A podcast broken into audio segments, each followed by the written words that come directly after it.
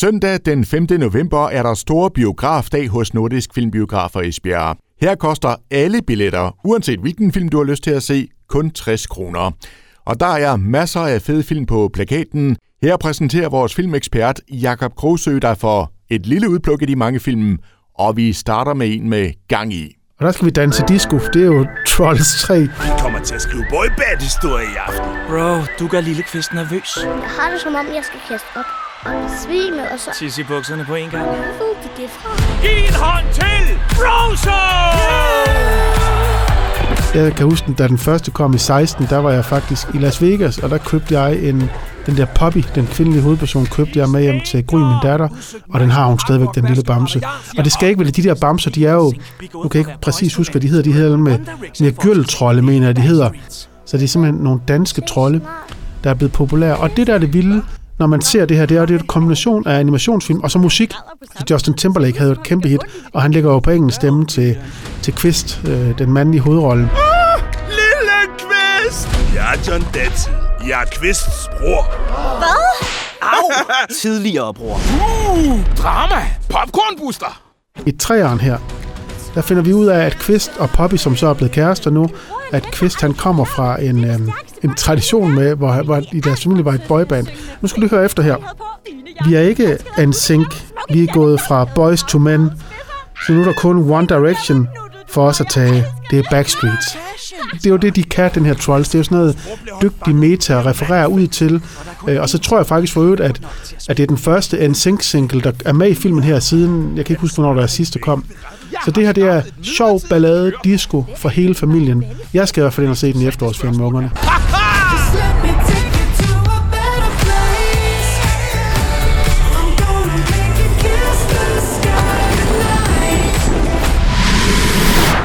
I den her uge, der har vi jo, kan man sige, øh, A-holdet.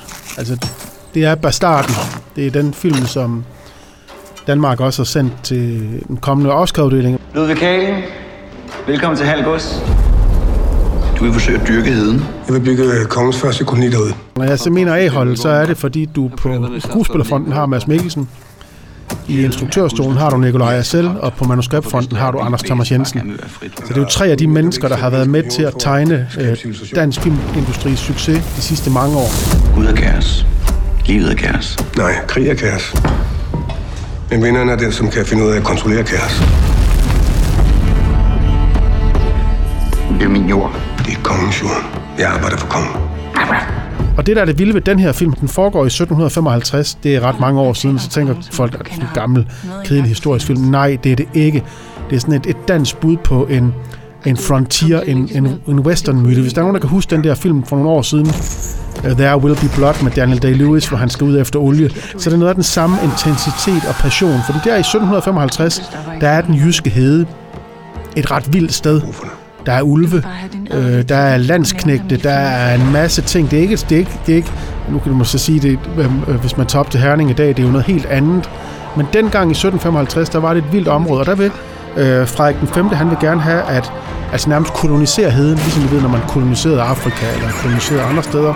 Og så har vi ham her, øh, kaptajn Ludvig, som vil prøve det.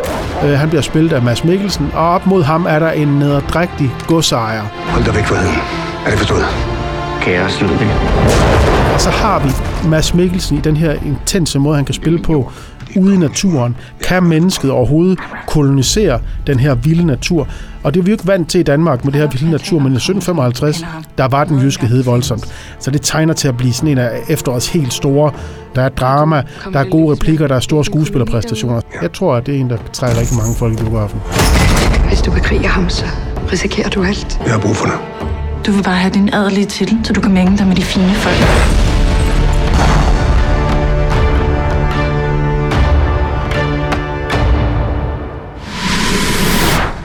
Det er Killers of the Flower Moon, som er en western, øh, moderne western, der foregår i 1920'erne. Whose land is this? My land. Der er flere interessante ting ved den. For det første, det er, at den er utrolig lang. Den er over tre timer, øh, så man skal i hvert fald virkelig huske at tisse af, inden man går ind. Og, men for det andet, så er den jo lavet af en af mine øh, helt store favoritinstruktører, Martin Scorsese. Mange har måske Goodfellas som deres favorit af hans film, Wolf of Wall Street, Casino. Min personlige favorit, det er Taxi Driver med Robert De Niro. Og Robert De Niro er en sjov person i Scorseses univers, fordi han har faktisk været med i 10 af hans film.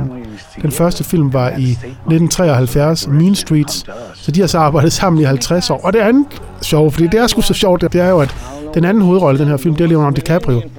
Og DiCaprio har så været med i seks af Scorseses film. Så fra at haft sin hovedskuespiller, det har været De Niro, så i så moderne tid siden Gangs of New York, har det været Leonardo DiCaprio, og nu mødes de så sammen i det her, som bliver en af Scorsese, er blevet over 80 år gammel, det bliver en af hans sidste film, og der er allerede nogen, der er ude at sige, det er hans bedste film nogensinde. The nicest man in the world. The Osage. Their time is over. We got to take back control of our home. I was sent down from Washington, D.C. to see about these murders.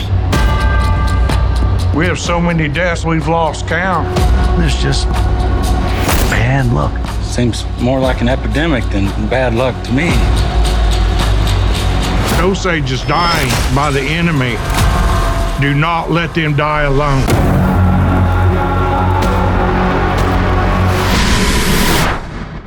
Det der hyggebegreb, det er jo sådan lidt et, sådan lidt et dansk begreb. Vi elsker det der hygge. Og den ugens premierefilm, den hedder Hygge. Når mørket falder på i Danmark, samles vi med venner og familie. Er? For rigtig at hygge os. Det sjove ved den her fortælling, det er, at den udkom, altså konceptet med den her type fortælling udkom i 2016 som en italiensk film, og den her danske er faktisk genindspilling nummer 25, fordi at det er så populært et emne det her, fordi det handler om, at nogle forskellige par mødes, og så skal der hygges. En øh, delikat foie gras. Der er lidt god mad, der er lidt intriger, der er lidt selskabsleje, og så den helt sjove selskabsleje kommer, og det er her konceptet er. Vi lægger vores mobiltelefoner op på bordet, og så alt, hvad der kommer af opkald eller sms'er, det skal vi dele. Det er, at alle øh, parerne, alle folkene skal tage deres mobiltelefoner op, ligge på bordene, og så skal alle dem, der sidder ved bordet, skal blive delagtiggjort i de ting, der måtte komme under lejen, sms'er, samtaler. Så der er blandt andet en scene, hvor det er en af hovedpersonerne siger, øh, der er så højtaler på, jeg er til middag hos min bror, og så siger den anden, jamen jeg troede da rigtigt, du kunne lide din bror. Og så kommer der alle de der forviklinger og øh, noget med stoffer og utroskab. Nå, jeg, jeg tror ikke, du kunne lide vil ikke planlægge og hygge sig. Er festen god? Det lyder som om I er skændt. Nej. Hygge os. Hygge. Om du ved det eller ej. Det her, det ligner sådan en rigtig skarp satire, så det, det ser rigtig, rigtig godt ud. Det bliver noget så hyggeligt. Der er jo nok mange forældre, der som mig godt ved, hvad Paw Patrol er. Når vores verden er truet, er der et hold, man altid kan regne med. Sagde han med? Øh, nej, jeg sagde med. Den her serie med de her små nærmest hundebetjente, eller man skal kalde dem. Og nu er vi så kommet til toren, der hedder Paw Patrol 2. Superfilmen. Det, som de nu har gjort, de her geniale folk bag Paw Patrol, det er, at de jo godt ved, at der er penge i superhelte. Jamen, så lad os da kombinere Paw Patrol med superhelte. I byen her, hvor, hvor, hvor hundene bor og vogter, der styrer der, der er en meteorit ned. Og da hundene så rører ved den her meteorit, så får de superheltekræfter. Der er fart på. Super fart på. Jeg er en murbrækker. Vanvittigt. Se på dine poter. Og der er selvfølgelig også den onde skurk, der flygter fra fængslet, som har onde planer. Så det tegner til en rigtig god børnefilm. Jeg har så meget at sige. Nu hvor vi har superkræfter, kommer jeg aldrig til at kunne falde i søvn. Ja, du er nok mere træt end du. Og det er jo den her meget, meget øh, interessante Sound of Freedom. How that make you feel? Giving a child his freedom. I første omgang skulle denne her øh, amerikanske krimi-thriller selvtægtsfilm jo slet ikke have haft premiere i Danmark. Men den, øh, jeg mener, den har, den, den har kostet cirka 14,5 millioner at producere, så er den omsat for 240 millioner. Så det er blevet sådan en gedint sleeper hit. Og det er jo sådan et eksempel på en film, der bliver større end selve filmen, på grund af alt det, der har ligget bagom, og alt det omtale, der har været indover. Fordi filmens hovedrollenhaver, Jim Caviezel, han er, øhm, for det første, så er han ekstrem øh, religiøs, og det er der ikke noget galt med. Han spillede jo for eksempel også Jesus i Passion of Christ, øh, hvor vi også har en meget anden religiøs mand, Mel Gibson, men for det andet, så har han jo ofte været ude og tale om det her QAnon, den her konspirationsteori om, at hele vores verden er bygget op af en magtelite, af djævletilbedere, der vil alle folk det ondt. Vi så det helt grimme udgave af Kuanang der, da de var med til at invadere øh, øh, derovre i USA i, i 2021. Var det ikke kongressen, de invaderede, ikke? Så, så den her film, den har Jim Caviezel i hovedrollen, og så har den den mand, den er baseret på. Øh, han har også været, været, for den er netop baseret på virkelige hændelser, han har også været søbet ind i det her Kuanang. Så det er sådan en film, hvor mange måske bortdømmer den på forhånd, fordi at den har de her to mennesker med. No one goes in. What if this was your daughter?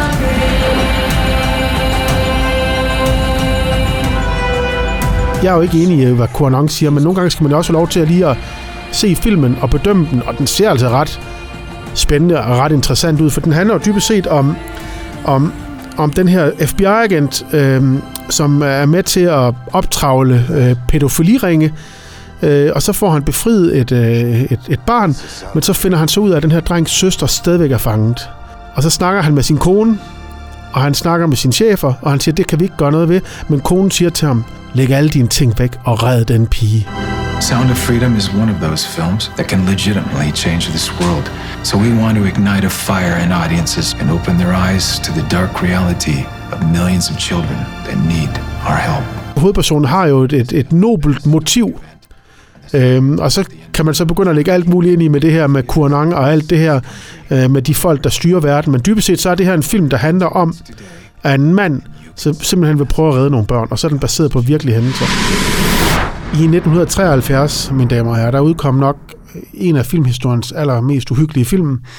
Det er den, der hedder Exorcisten, The Exorcist, hvor der er en lille pige, Reagan, der bliver besat af, af en djævel, og så kommer Max von Sydows eksorcist og skal forsøge at få dæmonen ud af hende. Øh, Det er en, den originale fra 73, den er hamrende uhyggelig og fantastisk god stadigvæk. Nu her får vi en efterfølger, The Exorcist Believer. Der kom faktisk også to øh, deciderede efterfølger, Exorcisten 2 og 3, og der kommer også en øh, Exorcisten Revelation, men den her fortsætter handlingen fra den første film. Men selvfølgelig er der gået en masse år. Og i Exorcist Believer, den nye her, der møder vi øh, to piger, der forsvinder øh, ude i skoven. Baby, you've been gone three days.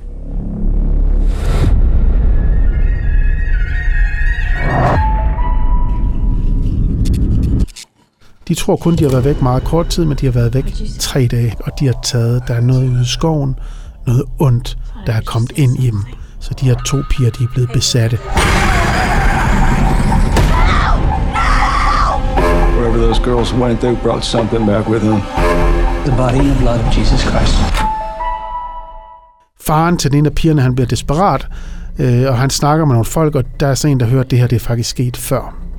Okay, fordi så finder han sig faktisk frem til øh, moren til hende, der blev besat i den første. Hun er så blevet 90 år nu, øh, og, ma- og hun er også med hende fra den første film. Der skal man selvfølgelig ikke røbe for meget. Men det her, det er sådan en... Det er jumpscare, og det er dæmonbesættelse, og det er sæt med uhyggeligt, specielt det der med, når det er børn, der bliver besat, og børn, der virkelig siger, ja, det kan vi ikke sige her på radioen, men i den originale siger hun noget virkelig, virkelig grimt med, at der er en, der så gør noget ved hende. Og det kan man også se i den nye her. Det er det der med, når der kommer det der dæmonsprog ud igennem et barn, det er fandme uhyggeligt. Så det er ikke en film for sart sjæle. I believe you can help get our girls back. Exorcism is a ritual. Every culture, every religion, they all use different methods. It's going to take all of them. scared. We've met before. Mother.